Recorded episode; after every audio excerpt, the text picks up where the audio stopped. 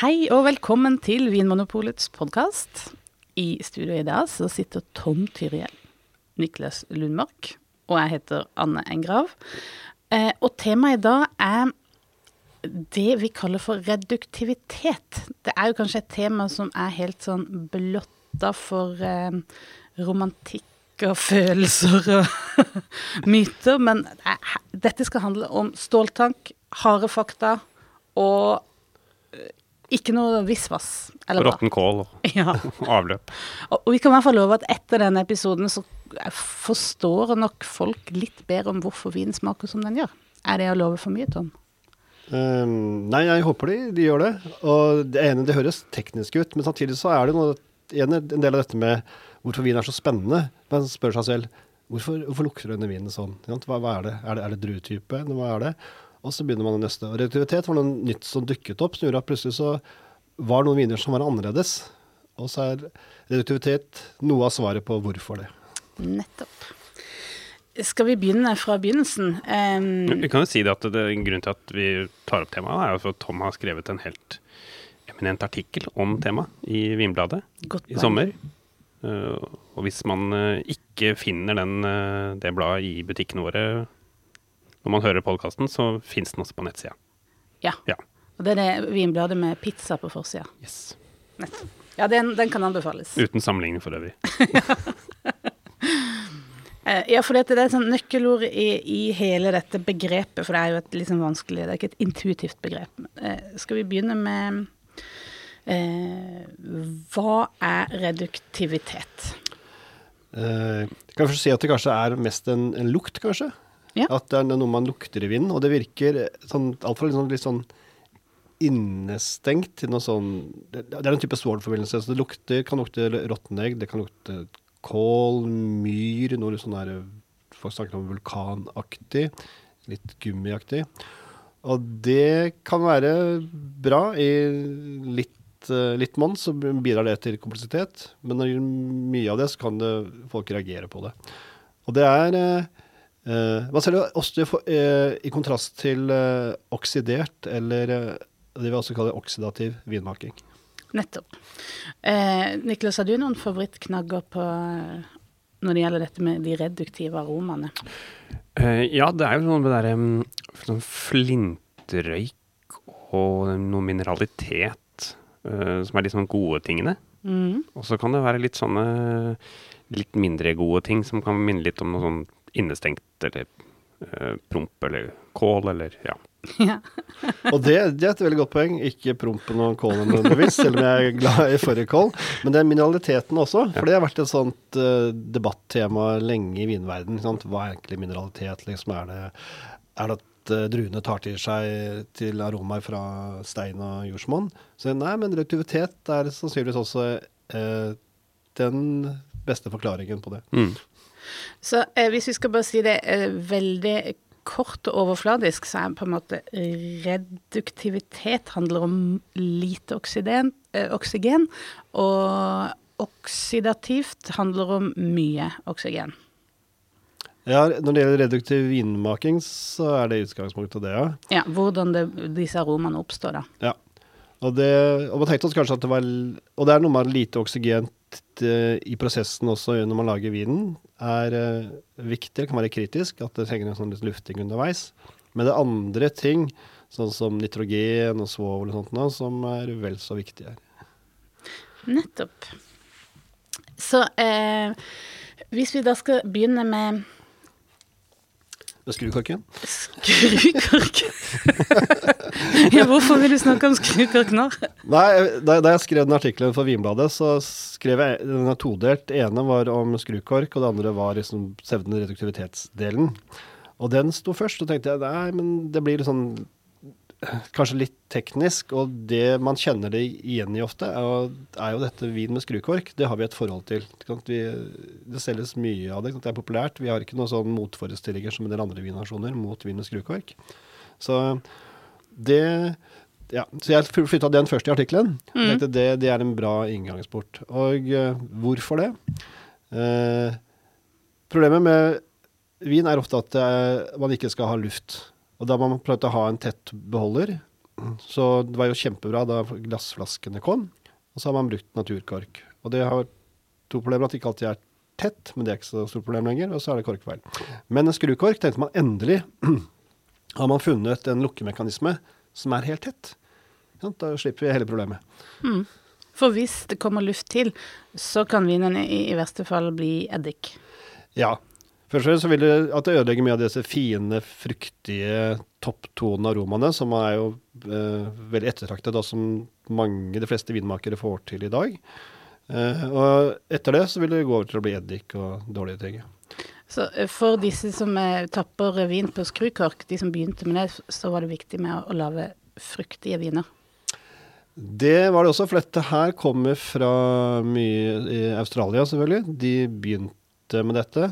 Eh, skrukorken ble utviklet i Frankrike, faktisk for noen sveitsiske vinbønder som sleit med korkfeil på 60-tallet. De prøvde seg med skrukork, eh, få det inn på markedet i Australia på 70-tallet. Det slo ikke så godt an, litt skepsis der.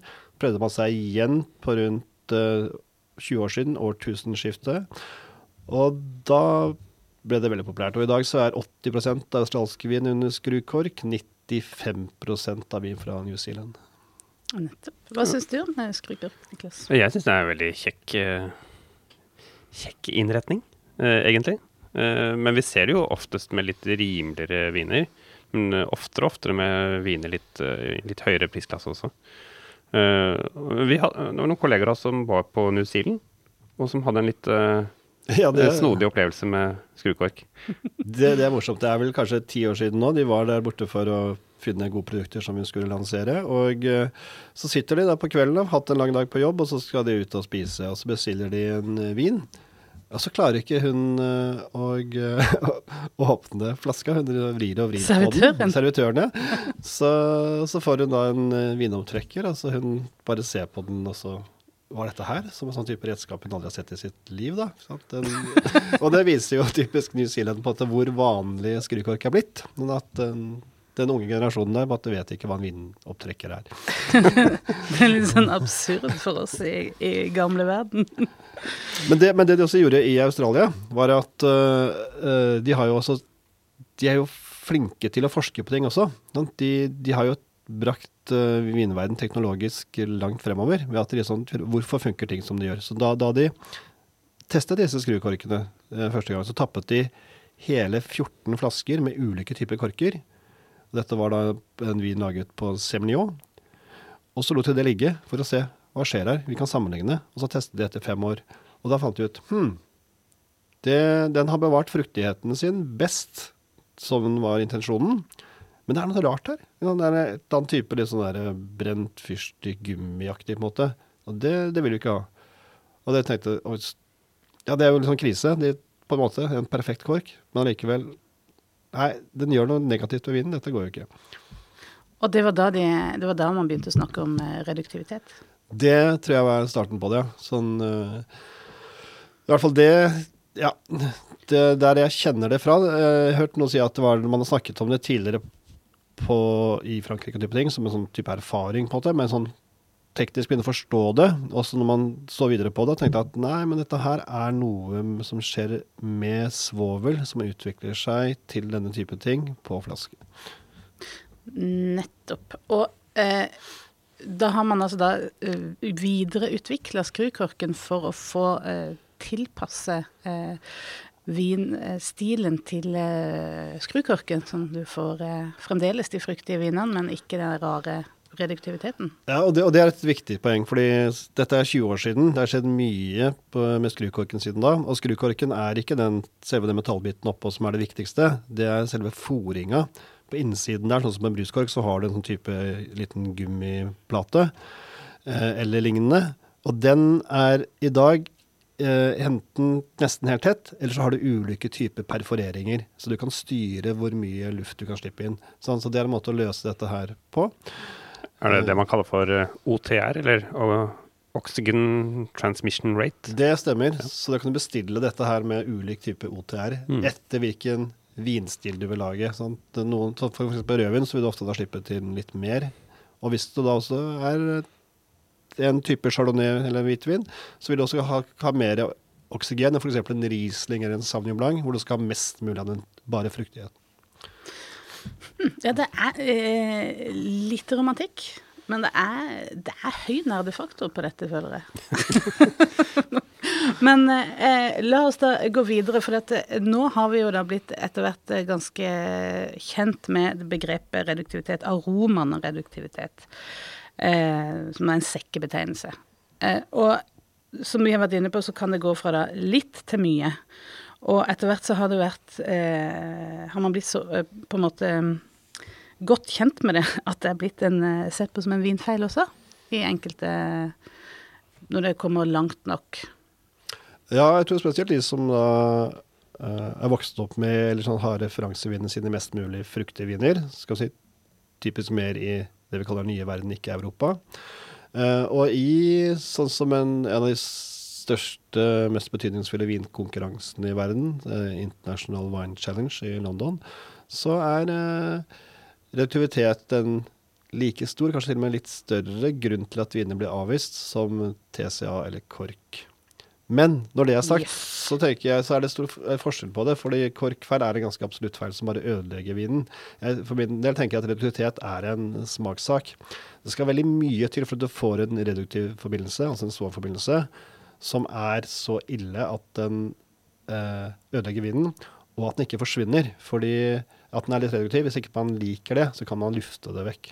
Så som regel så går det ganske fort i glasset, og er det mye, så kan du ta det på en, en karaffel. Så det, det, det, er en stor forskjell. Så jeg tenker at de, de avviser antageligvis for mange, som jeg ser det, på de burde luftet den litt mer og latt den stått, og at de ikke bare kan se en vin ut ifra den fruktigheten. Den ritualiteten kan gi noe ekstra som er bra. Også. Ja, det er et godt poeng. Jeg syns stort sett at det er eh, aromaer som bidrar med kompleksitet. Uh, det er sjelden at jeg syns det er noe som er et problem, altså. Mm. Men det er vel noe med det at når du sitter og skal bedømme en vin, så mm. leter man etter feil. Ja. Og hvis du da gjenkjenner det som reduktivitet, så tenker man bam! Den er ute. Ja, og tenk på det vi snakket om i stad, med mineralitet. Ikke sant? Mm. Noe av det som virkelig er sånn det derre uh, Det som gjør noen av uh, de ja, si Chablis eller uh, hvite burgundere det, sånn, det, som gjør de så ettertraktet, på at den mineraliteten der, det er jo en type reduktiv forbindelse. Nettopp. Så det er, ikke, det er ikke noe magi som kommer fra de eh, beste vindmarkene? Jo da, det er alltid magi. Det skyldes. Men hva slags forhold er det mellom jordsmonn og reduktivitet, da? Hvis jeg snakker om det er sånn som Chablis, og som ofte har den mineraliteten, eller flintrøyk, eller ja, det, er et godt spørsmål. Hvorfor har man dette her? De er jo ikke kjent for å drive med tank og skrukork i Chablis i utgangspunktet. Det, man får jo vinne på det i dag også. Men da er vi inne på jordsmonnet og mengden næring i det. Eh, vinstokken trives med næringsfattig jord, men hvis man ikke får nok nitrogen der, så kan det føre til reduktivitet når vinen skal gjære i neste omgang. For hvis du ikke har nok eh, nitrogen i mosten, så vil dette stresse gjærkulturen. Og da vil du kunne få dannet uh, svovelforbindelser. Mange av de vil luftes bort bare med CO2-en som dannes og som bygger dette opp. Men blir den mye stressa, så produseres det så mye at du ikke får luftet bort alt. Og da kan det bli et problem. Og det er jo typisk at mange av disse som har den mineraliteten, har jo dette kalkholdige, mm. litt skrinnende jordsmonnet, også da med lite nitrogen i seg. Så det er en uh, fellesnevner for alt kalkholdig jordsmonn. Lite nitrogen uh, kan føre til gjærstress, og dermed reduktive aromer. Det er sagt litt tabloid, da, men ja, la, la, oss si det. For Hvis du har litt humus der, og type ting, så vil det jo være det. Men sånn, i utgangspunktet, ja, så det, vil det være et uh, mer nit Eh, nitrogenfattig jordsmonn og øke den sjansen for den fine mineraliteten, men også de eh, negative, reduktive komponentene. Hmm. Hmm. Så hvis man da ønsker å eh, begrense eh, det reduktive, hva kan man gjøre da som vinmaker? Um, man kan jo da bruke kunstgjødsel. Det er jo fy-fy, for å si det sånn. Mange går jo bort ifra det vi gjør det mest mulig naturlig, men det er jo en måte å tilføre nitrogen i jorda.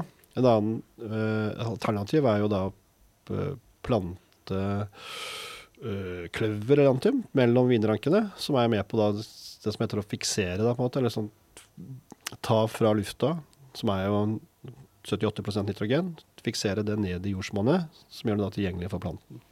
Mm. Det som vi kaller cover crop. Cover crop, ja. på, engelsk. På godt norsk. ja, for det er litt interessant det du er inne på der. Eh, nå hopper og spretter vi kanskje litt, men eh, eh kunstgjødsel er jo ikke noe som drives av, i økologisk landbruk. Da har man jo ikke lov å bruke kunstgjødsel. Eh, og det som vi kaller naturvin, er jo ofte økologiske og biodynamiske produsenter som ikke tilsetter noen ting i, i noen eh, deler av vinmakingsprosessen.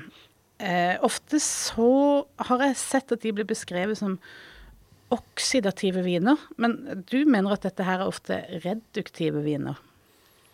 Ja, det mm, Jeg tenker Mine erfaringer med reduktive viner er tenker jeg, ja, det er noen ganger viner med skrukork. Det er noen druetyper som Syrah, og det er en del av disse øko-, bio-, naturvinene. Og det virker litt rart, fordi når man tenker at grunnen til reduktivitet er en svovelforbindelse, så har jo disse produsentene, altså naturvin og eh, økologisk og biodynamisk, har jo et um, mye strengere svovelregime. De bruker mindre svovel, noen produsenter. Og da er jo sjansen større for at de skal bli oksiderte. Svovel beskytter mot oksidasjon av vinene, så hvorfor har vi det da her? Ja, hvorfor det? og da er jo noe av grunnen det at uh, de bruker jo ikke kunstgjødsel. Så det, det, er større fare for at de ikke har nok uh, nitrogen i jordsmonnet.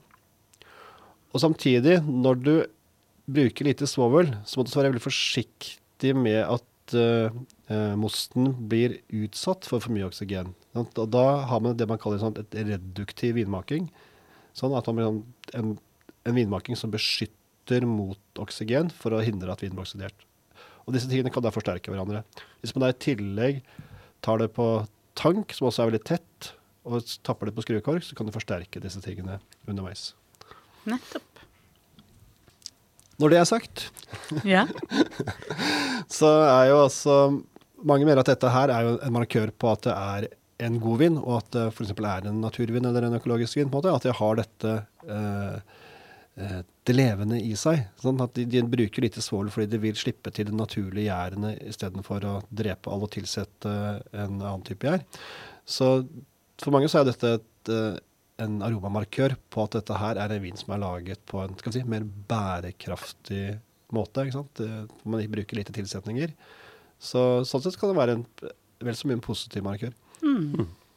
Du nevnte Syrah som en drue som gjerne kan gi, eller oftere kan gi mer reduktive viner. Er det andre druetyper som skiller seg ut? Uh, jeg har jo tenkt også Malbec, som man ofte finner i Argentina. Mm. Det av rødvinstruene. Og, og da er det gjerne de litt sånn blekkaktige tonene som du kan kjenne igjen som noe reduktive aromaer, eller? Ja, nettopp. Sånn ja. blekkaktig mot noe kanskje sånn rått kjøtt eh, når du åpner en kjøttpakke, våt jord, den type ting. Uh, og litt det samme også i um, Gamay, men med tanke på at uh, også Gamé er et av de stedene hvor man har veldig mye biodynamiske viner og naturviner. Så tenker jeg det kan jo hende at det, det ligger der også vel så mye som druetypen. Mm. Mm. Hvitvin så er det eh, mer hva er det, muskadé, som mm. i Loire er, kan være, gi litt reduktivitet. Og da snakker vi om uh, romer som noe sånn uh, sjøbunn, uh, ferskvannaktig Ja, det, tenker jeg også. Det er mer ja. den, den, type aromaer ja, mm. som ofte ikke så så sterkt som jeg, jeg syns det er ofte lettere å finne det i sterkere grad i rødviner. Mm. Men det er en, det er en aromaknagg som um, jeg syns er litt gøyal, da. Chicken's ass. Det er også knytta til reduktivitet, ikke sant? Ja, og det er, sant, det er, vanskelig, fordi vin er jo komplekst, og det er en kjemi der som uh, kan føre til mye forskjellig. Og um, så dette med det, det kjøttaktige og det er kanskje fordi man så har en type sånn svovelbeskyttende når man har Eller sånn hvis man ikke har luktet på en kyllingrumpe, så er det kanskje når du åpner en kyllingpakke med kyllingfilet, så får du det samme. Ja. Og det er fordi man har svovelforbindelser der for å beskytte det kjøttet også. Uh, men der også har man jo andre typer ting som skal vi si, spennende gjærkulturer og brettanomyces også kan gi aromaer i den retningen. Mm. Ja, nettopp. Ja, for det er jo et poeng eh, som du var inne på tidligere, at vi skal dette her er jo ikke ment for å eh, identifisere noe som er feil, men det er et, eh, det er et spenn, det er en, en sekkebetegnelse som henger sammen med andre ting enn gjær og drue. Ja. Det er metode, mm. på en måte. Det er ja, metode, ja. Så, og uh, man har også sett en utvikling i Vi startet med å snakke litt om Australia og New Zealand. Og uh, der lager man jo chardonnay også, selvfølgelig. Da, kjent for å lage fruktigere chardonnay. Da passer det bra med ståltank og mm, skrukork og sånt noe. Men de har også uh, fått øynene opp for uh, den mineraliteten som man snakker om i hvite burgundere. ikke sant? De vil ikke bare ha frukten, de vil ha litt av den der dempe frukten og få litt den der nyansene, kompleksiteten som ligger i den mineraliteten. Så de har jo også da lagt om til bevisst å lage mer reduktive viner. Mm. Eh, og eh, da måten å gjøre det på, er ofte å bruke bunnfallet fra gjærrestene. Eh, det er den vanlige teknikk for når man fremstiller chalet, men også, chardonnay, men også andre vintyper. Det er spesielt de ikke-aromatiske? Spesielt ikke-aromatiske, ja, som gir mm. litt mer type fyldighet, litt sånn kremete, oljet munnfølelse, og en del sånne ja, litt sånn smør- og nøtteaktige aromaer. Og dette er jo også en, eh, noe som er vanlig i muskadé, som du Det er det selvfølgelig, nettopp. Godt poeng. Det, det, og da står det surli mm. på flaskene.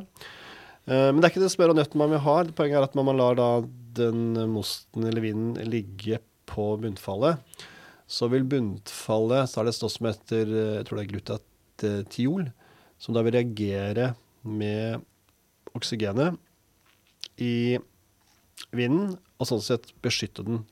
Men hvis du har veldig mye, sånn sett, så vil den ikke bare gjøre det. Da vil det også dannes uh, uheldige, eller i hvert fall mye sånne sårforbindelser.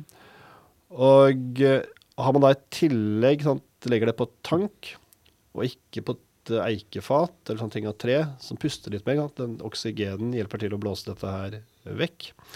Så kan det bli for mye av det. Også så er det snakk om at man Det finnes litt sånn det fine munnfallet og det litt grove. Hvis man litt for tidlig tar og tapper over på tank, så får man seg altså det grove, og det kan gi mer av de litt for kraftige, da, reduktive aromaene, og ikke bare den der fine mineraliteten, det lille streifet av fyrstikk som mm. man da ønsker. Fyrstikk, ja. Fyrstikk og brent hår. Mm. Ja. Når du snakker om de litt kraftige aromaene, da, da, er vi inne liksom litt på noe sånn uh, kål og tett avløp og den type ting, eller? Ja. ja. Som uh, uh, Det er jo en del ting i verden som lukter vondt, men smaker godt. sånn som en del oster. uh, og det er jo et smaksspørsmål her også, hvor mye man ønsker av det. Noen kan synes det er ja, deilig, men akkurat her så blir det for mye for mange produsenter, har jeg sett i hvert fall. at uh, Da vil man ikke ha de koldtingene. Og blir de for sterkt, så er det vanskelig å få lyst til å dø vekk. Mm. Men ellers så Ja. Jeg syns en fin måte å tenke på om det er for mye, er hvis, hvis du lukter og tenker at dette er tydelig reduktivt, men hvis du når du smaker og har det i munnen, og du kjenner eh, frukt mer enn det reduktive, da tenker jeg da er det helt innafor. Mm. Det er liksom den der munntesten. Men hvis vinen er helt dominert av det reduktive i munnen også, så tenker jeg da har det gått litt for langt det, på den skalaen. Hva tenker dere? Har dere noe sånn hvis du finner det, så er det liksom eh, litt for mye. Ja, det er litt sånn som eh, Tom nevner, da, sånn som de der eh, litt kålaromaene, de som ikke lar seg løfte bort. Ja, da det har det tippa over. Mm.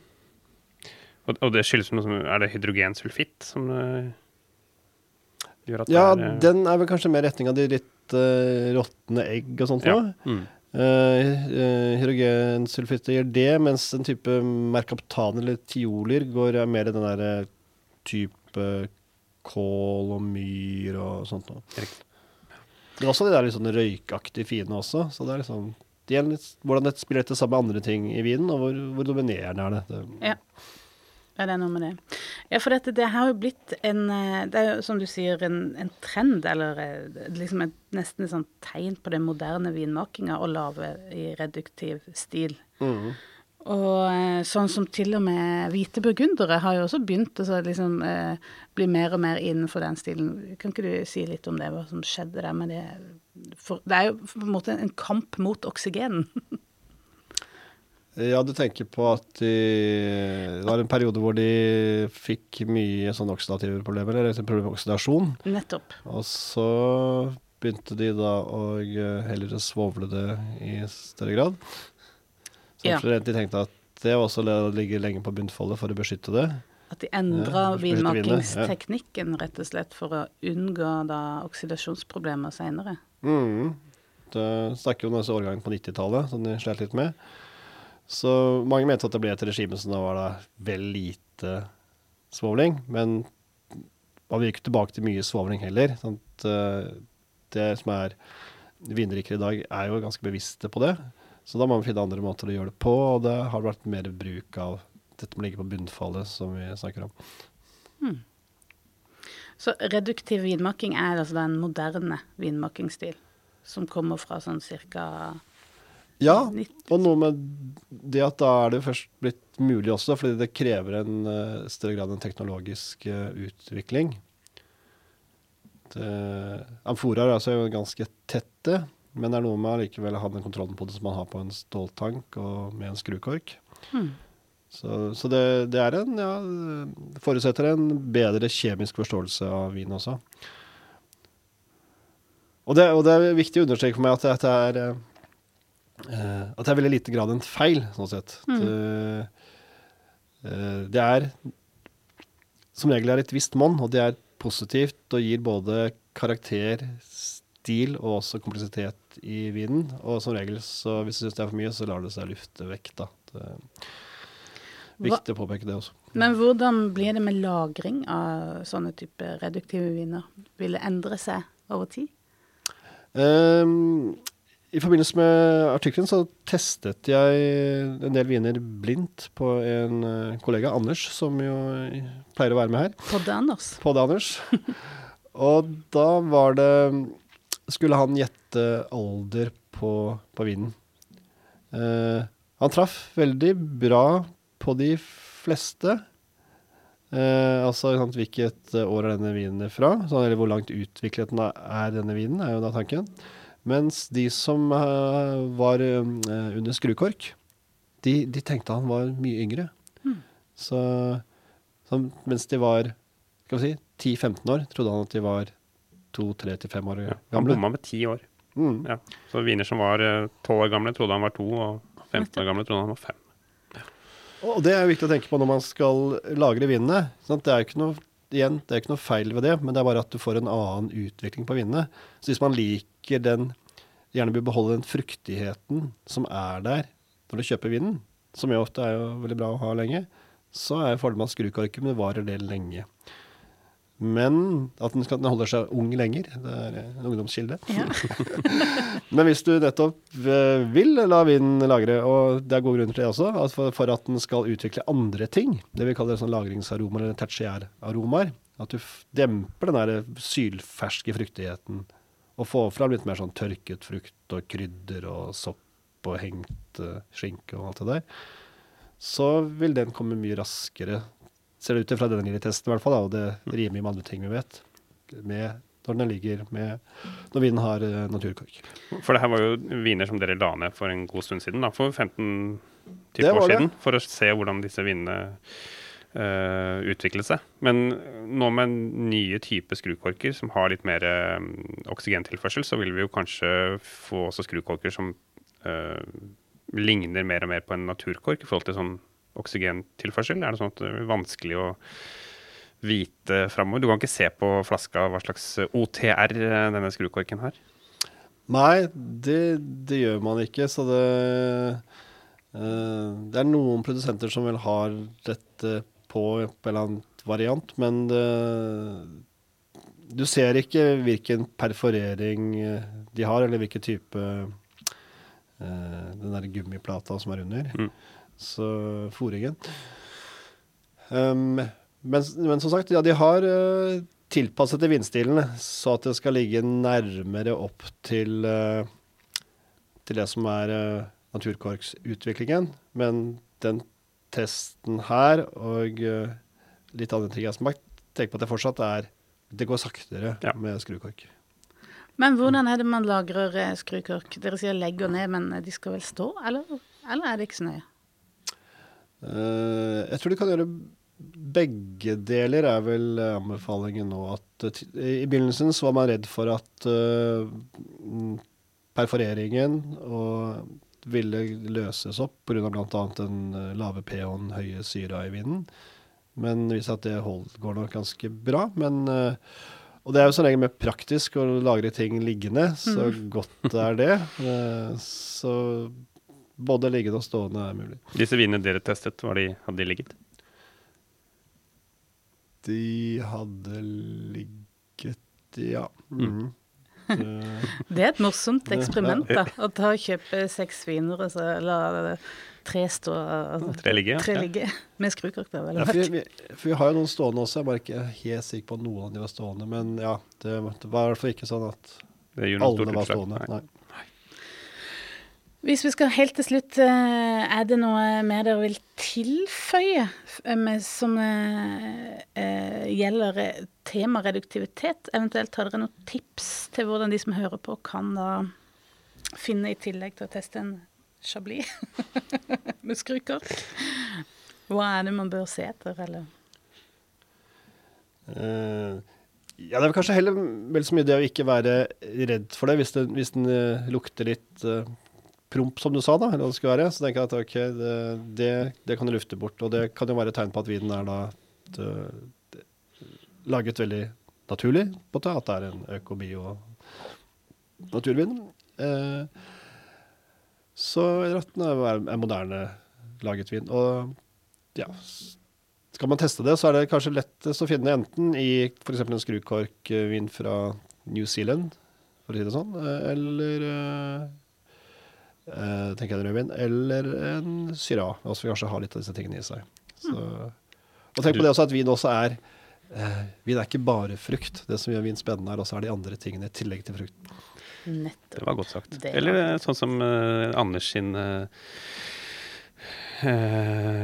cava og gummistrikken. Det er også en reduktiv aroma. Det vil jeg tro. De har jo både mye det kalkholdet i jordsmonn der, mm. og i tillegg så ligger de jo lenge på bunnfallet, som man gjør med de fleste musserende viner, mm. som fremmer også reduktivitet. Så. Der ser du. Det er oppklart. Case closed. Takk for i dag. Takk for at du hører på Vinmonopolets podkast. Har du forslag til et tema i podkasten? Send mail til podkast at vinmonopolet.no. I tillegg svarer kundesenteret deg på e-post, chat og telefon.